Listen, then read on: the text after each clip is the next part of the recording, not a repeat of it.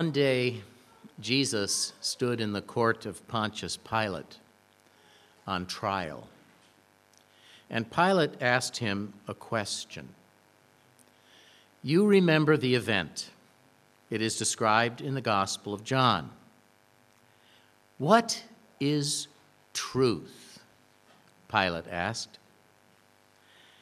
And Jesus did not answer the question.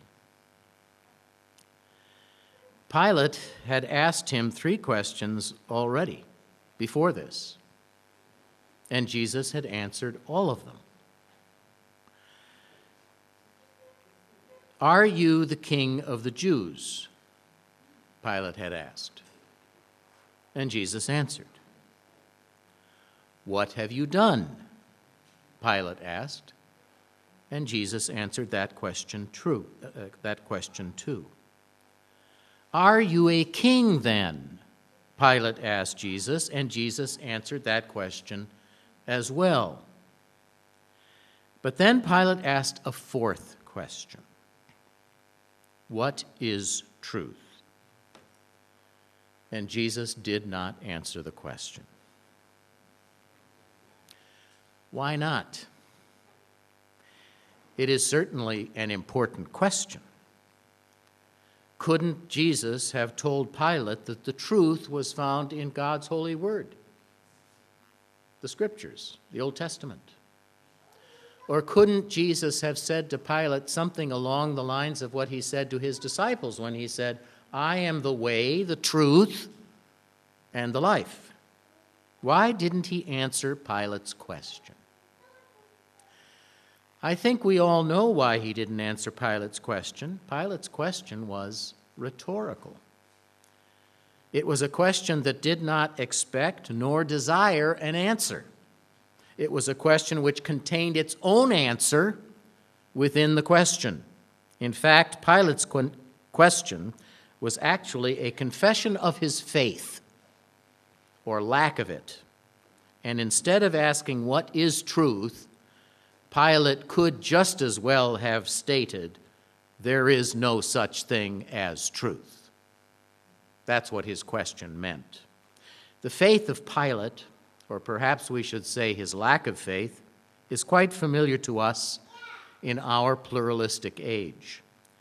Especially in my country, the United States, a very high percentage of the population seems to believe that truth is a variable and what may be true for you may not be true for me. You have your truth, I have mine. And don't tell me that your truth is superior to mine. This flexible idea of truth makes possible the strange success of a book and a movie like The Da Vinci Code. Although the book and the movie are fiction, and although all of its major presuppositions cannot be substantiated by fact or documented by historical sources, nevertheless, many people in our country actually chose to believe that it was true. It was amazing. Now, political pluralism can be a good thing. In a uh, politically pluralistic society, opposing political parties can coexist peacefully, even though they have different ideas about what is best for their nation and their people politically.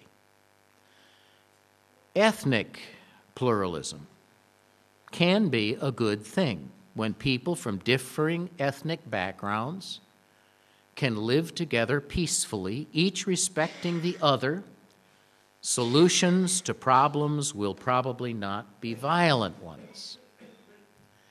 Even religious pluralism can have benefits. It can affect a society in such a way that people do not kill each other over religious differences. But even though they disagree, tolerate the expression of different beliefs. For Christians, however, religious pluralism becomes a problem, in fact, a very serious problem, when all religions, including Christianity, are viewed as having equal possession of the truth. Such religious pluralism dethrones God as the one who gives and is the source of truth, and permits human beings to determine for themselves what they will believe and hold as true. Such a view of truth clearly embraces the view of Pontius Pilate, who, in response to Jesus' claims for exclusive possession of the truth, declares with his question that nobody has the right to say such a thing. But we who follow Jesus agree with Jesus' answer to Pilate's third question Are you a king? Jesus, uh, Pilate asked, and Jesus said, You say rightly that I am a king. For this cause I was born, and for this cause I have come into the world, that I should bear witness to the truth. Everyone who is of the truth hears my voice. Let me make two observations about Jesus' statement. First, he does not say, I have come into the world to bear witness to a truth. He says, I have come into the world to bear witness to the truth. Second, he does not say, Everyone who is of the truth hears a voice. He says, Everyone who is of the truth hears my voice. In our increasingly pluralistic and syncretistic culture, it is becoming increasingly necessary to declare with utmost clarity and without any shade of ambiguity there is only one way to know the true God, and that is to know Jesus. If we no longer insist upon this truth, Christianity will dissolve. For apart from the truth that we come to the Father only through Jesus, Christianity loses that which makes it distinctive from all other world religions. And if Christianity loses that which makes it distinctive from all other world religions, not only does Christianity lose that which makes it unique, but the world itself loses all hope of reconciliation with God, all hope of forgiveness, salvation, eternal life. Because only within Christianity and only in the person of Jesus Christ does the world find a God of mercy and grace, a God who forgives, a God who actually loves with an unconditional love in every other world religion. If we find a God at all, we find a God who loves if, a God who loves when. Only in Christianity do we find a God who loves because. In other religions, we find a God who loves if people are obedient and ceases to love when they are not. In other religions, we find a God who loves people when they have fulfilled the requirements the God has set for acceptance or approval. Only in Christianity do we find a God who forgives and accepts because.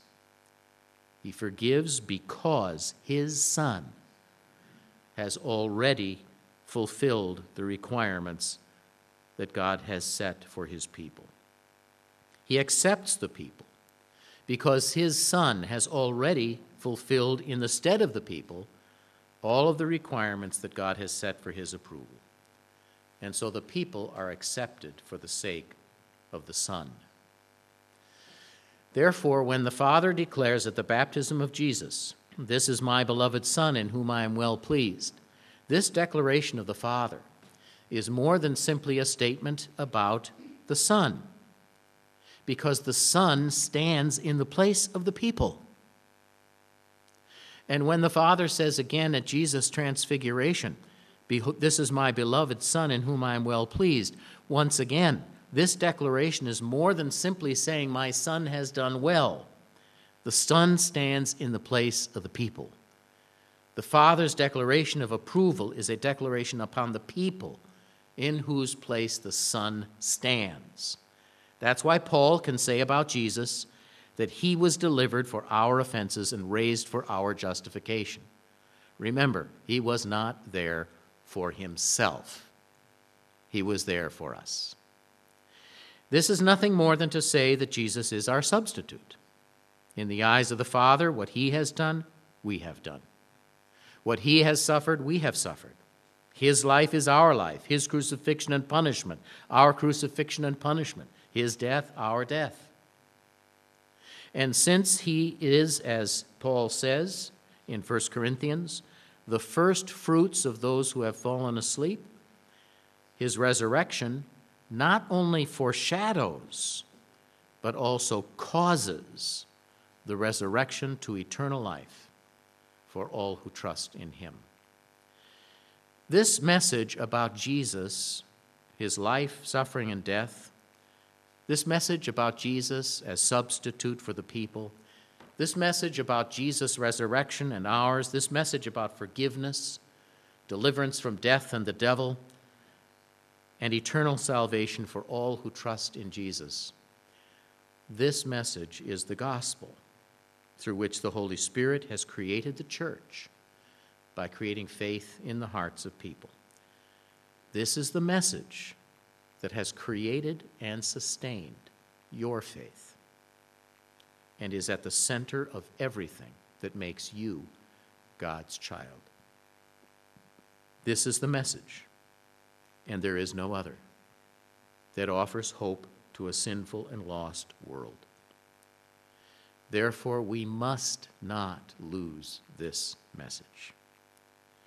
Luther warns us if this article concerning Christ, the doctrine that we are justified and saved through him alone, and consider all apart from him damned, is not professed, all resistance and restraint are at an end.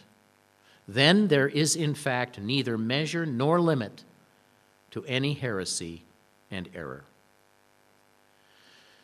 We have a hymn that we sang in my family as a, when I was a child and uh, it's translated from the Norwegian. I don't can't find the Norwegian version, but it goes like this in English: Christ alone is our salvation.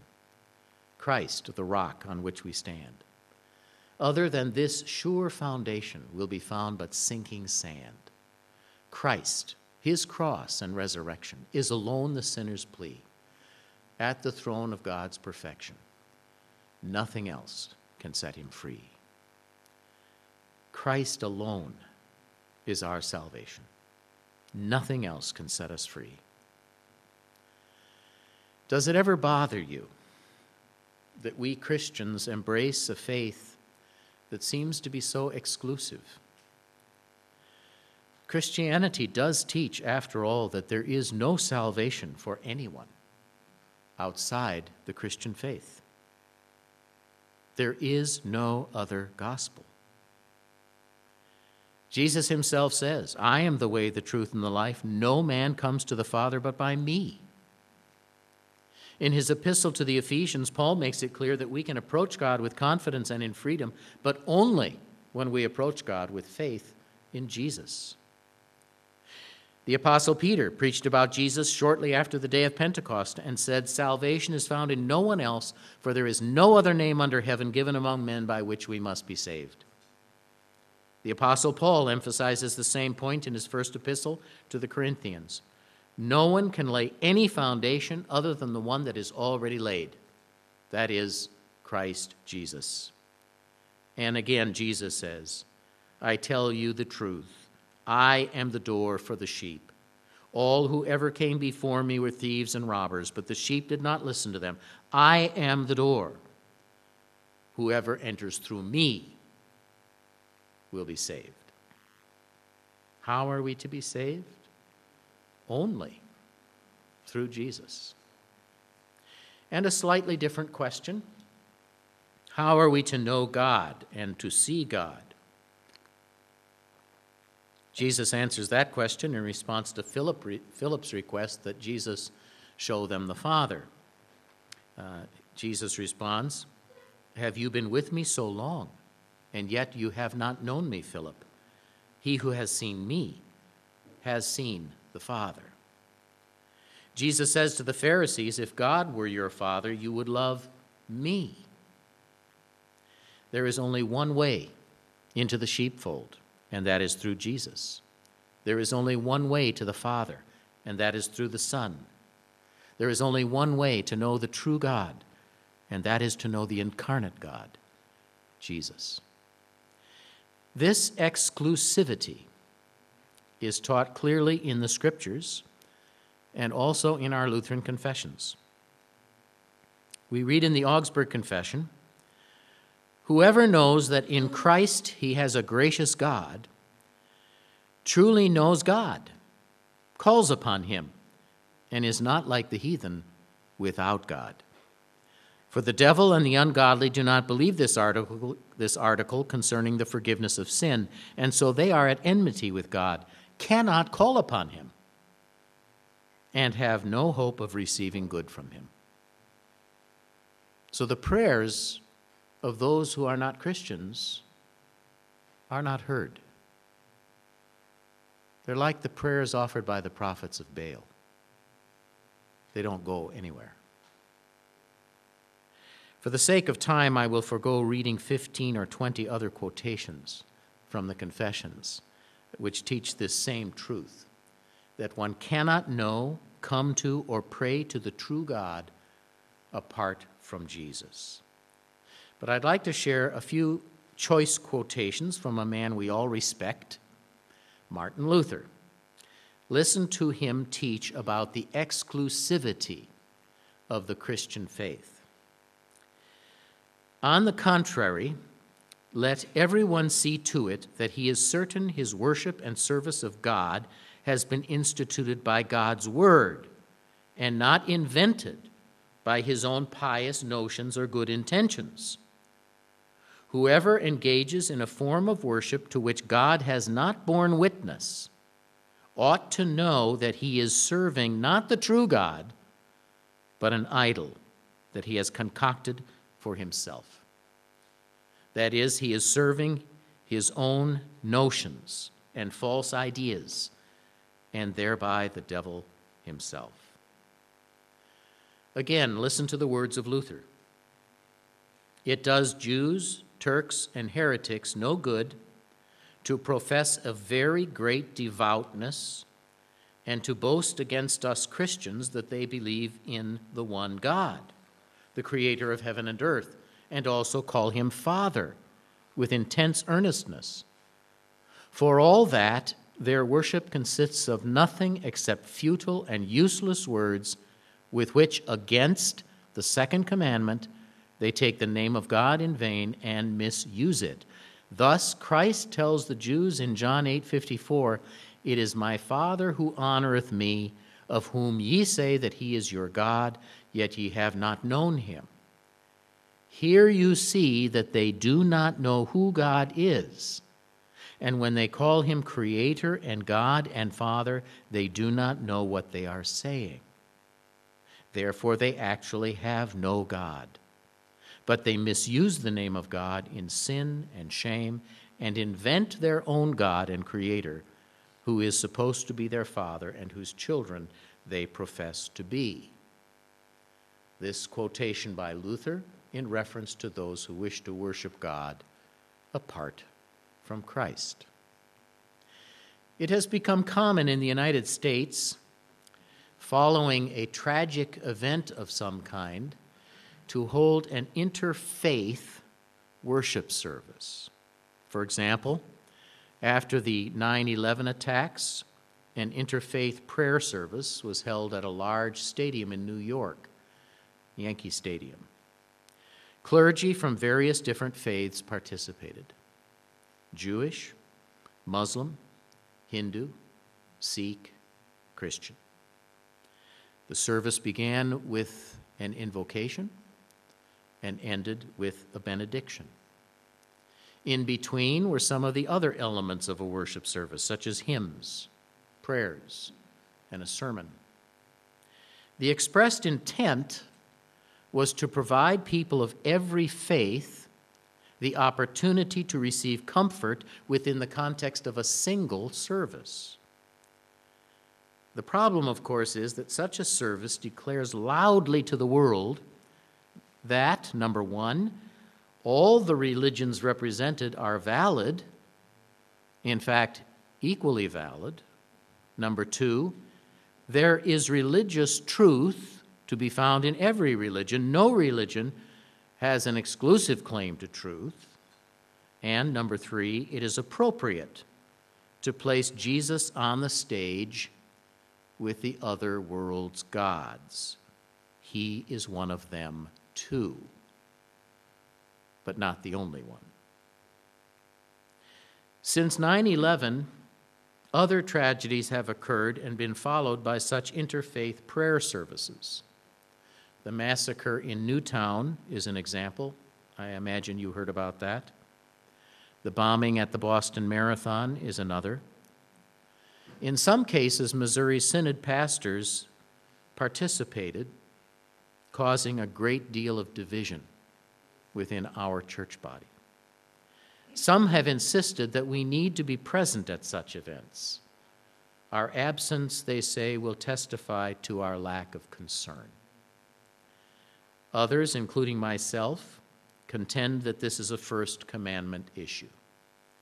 You shall not have any other gods before me. Or, as the Hebrew states, you shall not have any other gods in my face.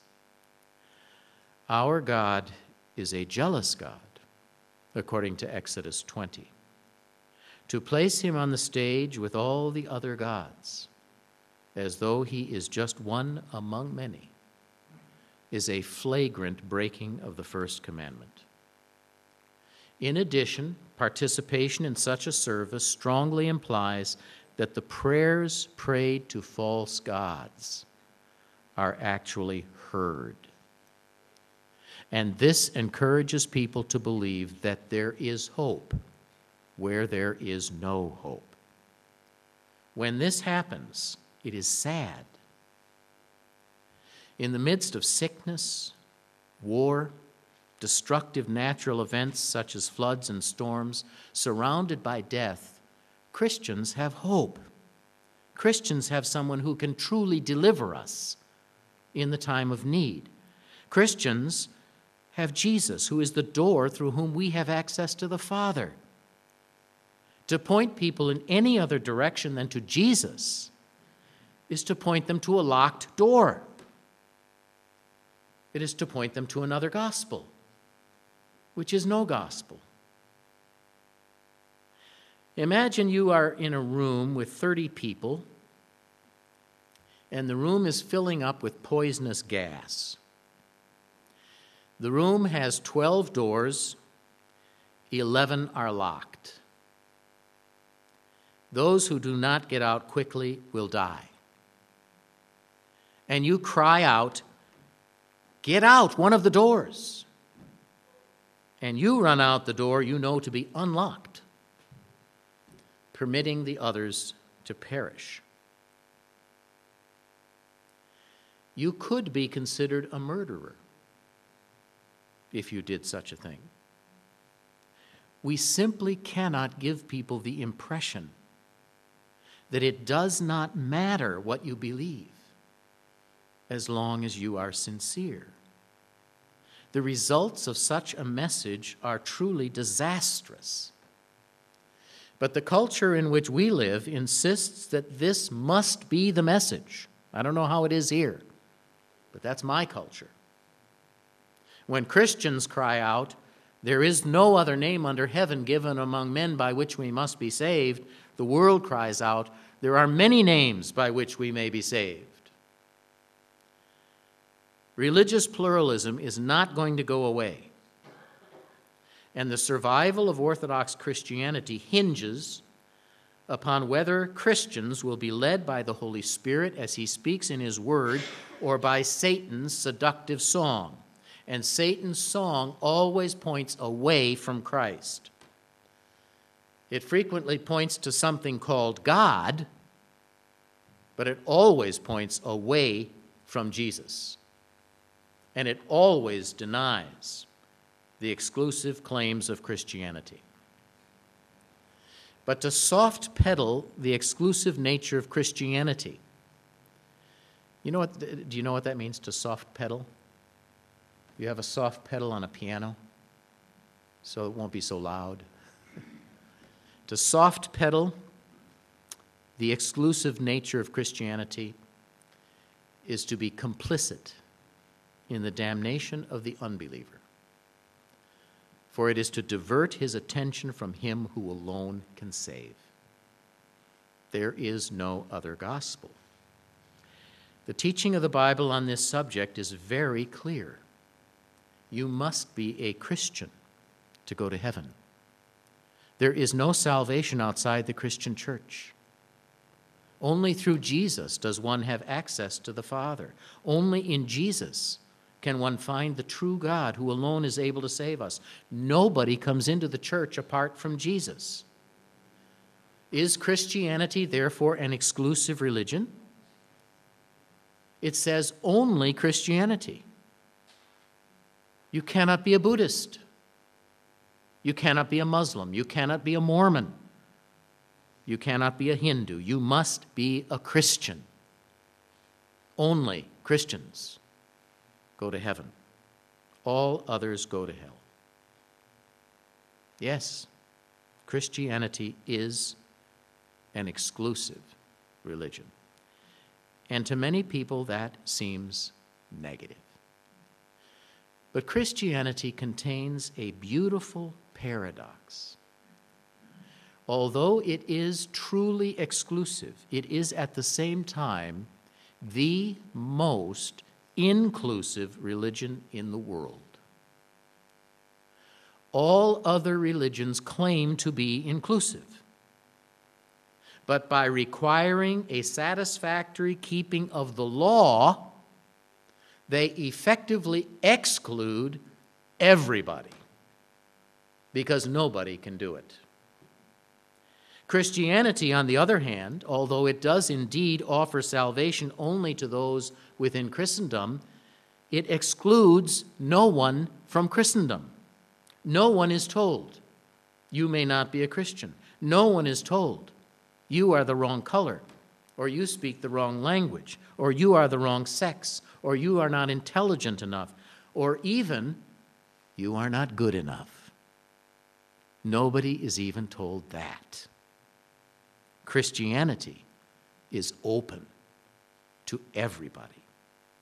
This is the message that must be proclaimed whenever we talk about the church's mission. This has been the message of the Christian church for 2,000 years. God's grace is universal, it is offered to everyone, it is meant for everyone. The Apostle Paul says through the gospel, the Gentiles are heirs together with Israel members together of one body and sharers together in the promise of Christ Jesus. Paul says, Whoever shall call on the name of the Lord, whoever shall call on the name of the Lord, shall be saved. Paul says that God wants all men to be saved and to come to the knowledge of the truth. And again, the grace of God which brings salvation has appeared to all men. The Apostle Peter says the Lord is not willing that any should perish, but that all should come to repentance. God's grace is universal. That's why wise men who were not Jewish came to Bethlehem. That's why Philip preached to the Ethiopian eunuch.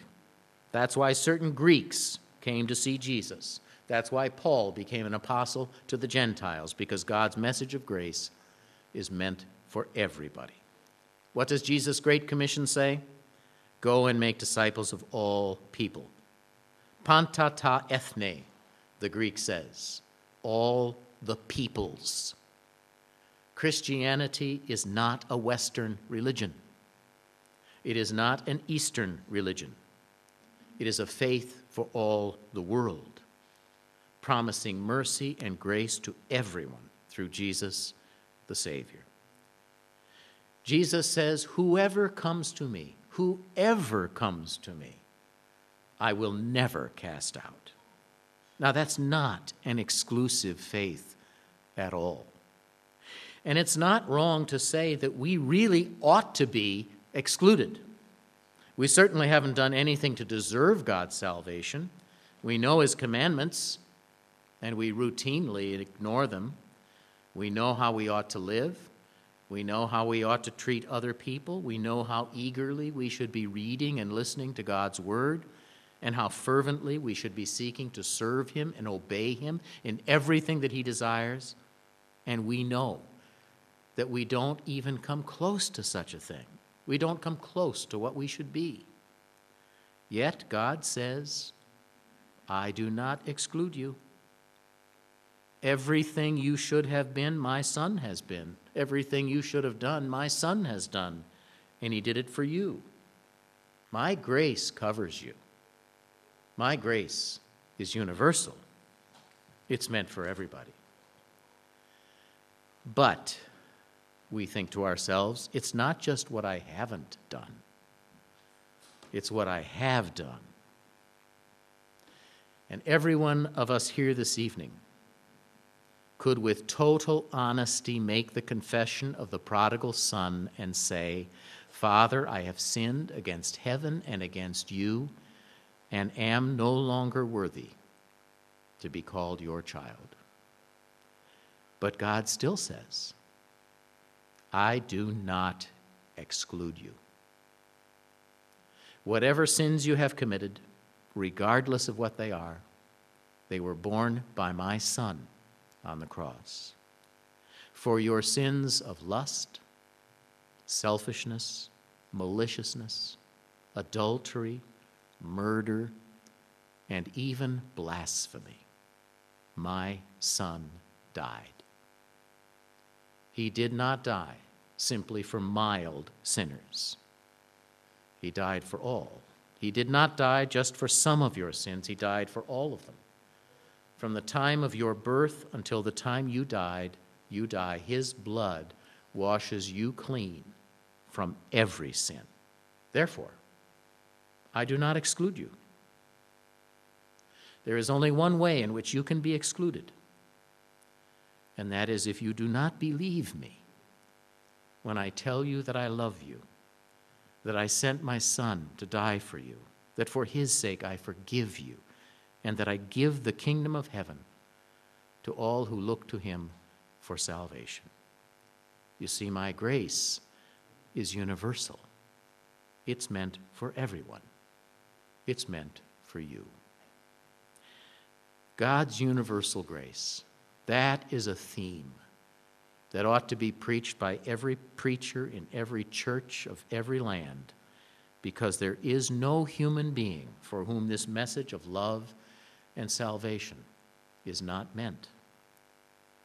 How different from some organizations that instruct their members not to reveal the secrets of the order, since those secrets are meant for only a select few. When I was at the seminary in Springfield, Illinois, preparing for the ministry, I worked at a funeral home and was responsible for assisting in um, taking care of people during a very difficult time of death, assisting with funerals. And I had the occasion to observe thousands of funerals. And I saw a number of Masonic funerals. At one of these Masonic funerals, I walked up to one of the Masons and I said to him, Could you tell me what is the meaning of that napkin that you're wearing around your waist? You know what he said? He didn't say anything. He turned around and walked away. You see, the secrets of the Masonic Lodge are not to be revealed to those who have not yet been initiated. What a contrast to Christianity, which wants the truth of salvation to be proclaimed to all people. Jesus said to his disciples, Go into all the world and preach the gospel to every creature. All the world should hear the message of God's love and forgiveness in his Son, Jesus Christ.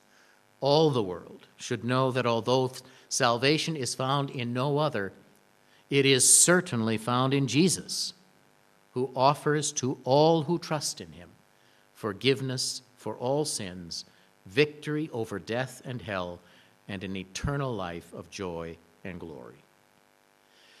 Paradoxically, you've got that word in Norwegian, don't you? Paradox? Paradoxically, this all inclusive message can only be preserved when we insist on the exclusive claims of Jesus. When Christians become embarrassed about Christianity's exclusivity, when they wish to open up the possibility for salvation also for those who do not believe in Jesus, as Pope Francis recently did, they effectively close the door to everybody. Because if salvation is proclaimed or offered apart from Christ, it is offered as a salvation that can be obtained only by works. And if it is a salvation to be obtained by works, it cannot be by grace. As Paul says in Romans, if it is of works, it is no longer grace. Otherwise, work is no longer work. But if salvation is to be by works, we are lost. Every one of us, which is precisely why God sent his Son in the flesh. It was the only way to redeem us. This Son came. He took our place in keeping the law. He took our place in overcoming all temptation. He took our place in bearing shame and reviling and punishment and suffering and death and all the consequences of sin because he became sin for us, that we might become the righteousness of God in him. It is the mission of the church to proclaim this message. It is a message about God's mercy. It is a message primarily about God's forgiveness of the sinner through his Son, Jesus Christ. After all, in Jesus, and only in Jesus, God's mercy was poured out upon us and is always offered to us. As St. Paul says in 1 Corinthians, no one can lay any foundation other than the one already laid, which is Jesus Christ. There is no other gospel. Still, many people look to other gods for salvation. I don't know if it's happening here, but in our country it's happening more and more. It doesn't really make any difference, though, where you're looking if you're not looking to Christ. When the children of Israel sinned in the wilderness, God sent snakes as a punishment to bite them. When the people were bitten, they would soon die. But God instructed Moses to set up a pole with a snake on it, and whenever people looked at the snake after they had been bitten, they would live. Now, the people could look wherever they wanted, but only if they looked at the snake would they live. They could choose to look at Moses, or at the mountains, or at the sun, or at their feet, they wouldn't live unless they looked at the snake. And so it is for us. The snake on the pole pointed forward to Jesus. Salvation is found only when we look to Jesus hanging on the cross for us and risen from the grave. You can look to yourselves if you want to. You can look to the charismatic cult leaders, to money, to medicine, to other gods called by other names. It's all the same. It's all idolatry. It will all help you about as much as if you worshiped Odin or Thor. It will all help you about as much as if you took a krone and stuck it on a shelf and prayed to it. Because in all the world, there is only one name given us by which we must be saved, and that is the name of Jesus. He alone took our guilt upon himself. Mohammed never did it. He alone was nailed to, cro- to the cross for our sin. Buddha never did it. He alone has taken our place under the law. Sun Myung Moon never did it. He alone has conquered death through his resurrection. No one else has ever done it. He alone can save us. To look anywhere else for salvation is foolish and futile. On Christ, the solid rock I stand, all other ground is sinking sand. Most people today find this Christian position a very offensive one. Most people prefer to think, you have your beliefs, I have mine.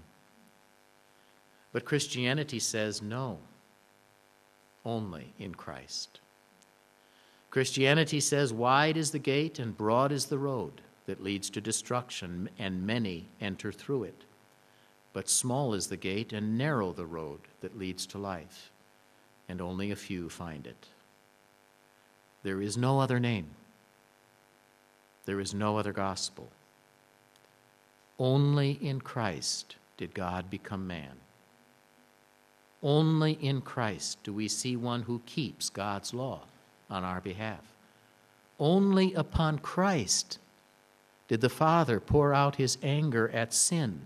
Only in Christ, through his death and resurrection, has Satan been defeated.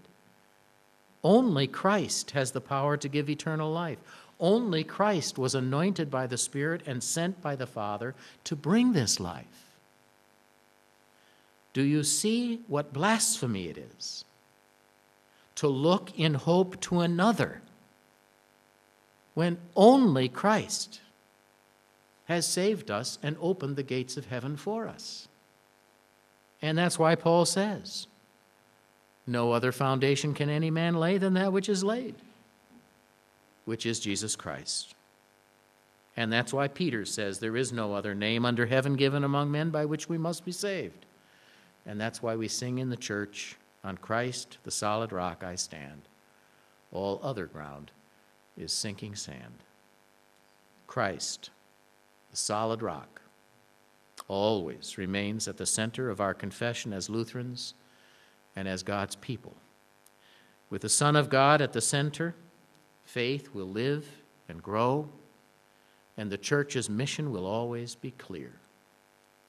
Proclaim Christ, His person, his work, that sinners may be brought to faith, nourished, strengthened, and preserved in that faith into the end, unto eternal life. There is no other gospel than this one, the one with Jesus at the center, and with him at the center, offering hope to the world. Amen.